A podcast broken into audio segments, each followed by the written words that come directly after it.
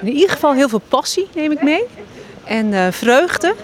En ook um, nou, gewoon mensen met heel veel uh, uh, liefde voor erfgoed, mobiel erfgoed.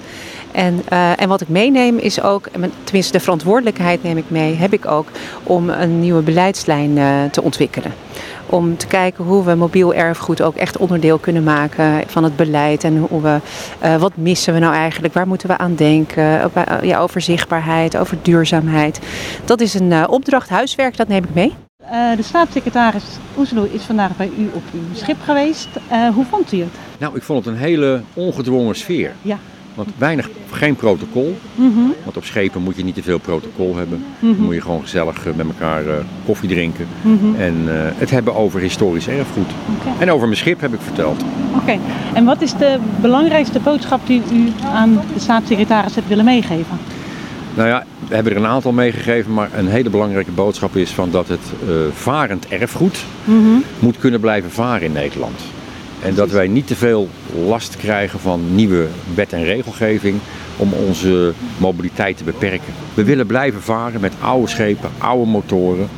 Uh, ja, en soms moet je dan uh, de regels een beetje aanpassen aan onze oude schepen. Marielle Hendricks van het Erfgoedhuis uh, Zuid-Holland. Uh, wat is uw belangrijkste boodschap voor de, voor de staatssecretaris geweest? Ja, ze was natuurlijk nu speciaal voor het mobiele erfgoed gekomen.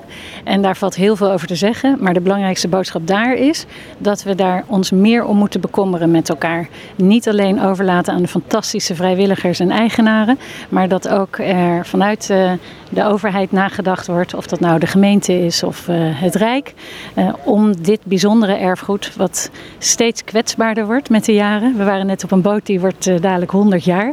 Ja, op een gegeven moment is het materiaal niet meer te vinden waar die mee zou moeten worden hersteld. De mensen zijn niet meer te vinden die nog weten hoe je die oude ambachtelijke ja, manier van werken uitvoert. Nou, daar moeten we met z'n allen een stokje versteken. En dat was ook de boodschap vandaag.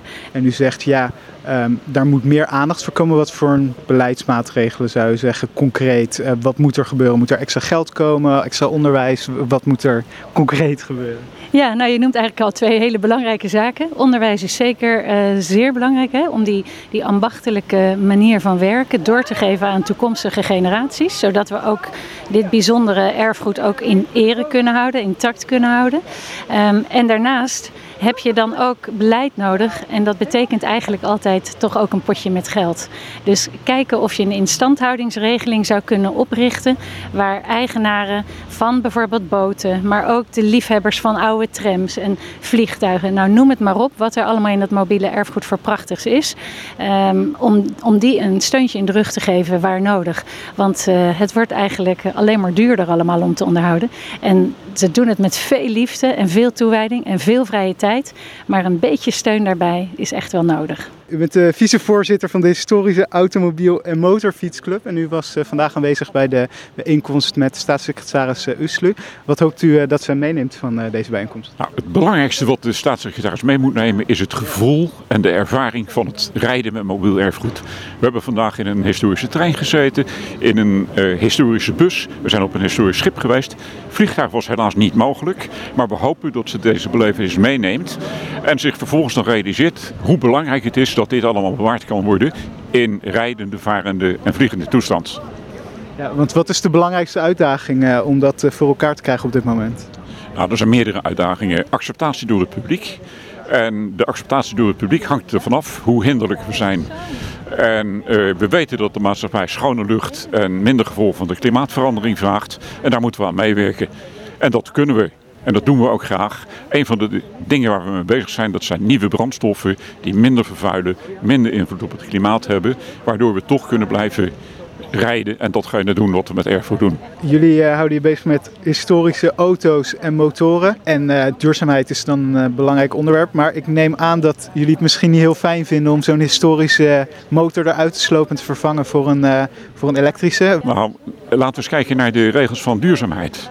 Refuse, reuse, repair, die zijn veel belangrijker dan ombouwen. Dus wij gebruiken veel liever de oude machines, maar zorgen wel dat ze schoner zijn en minder impact hebben op de omgeving.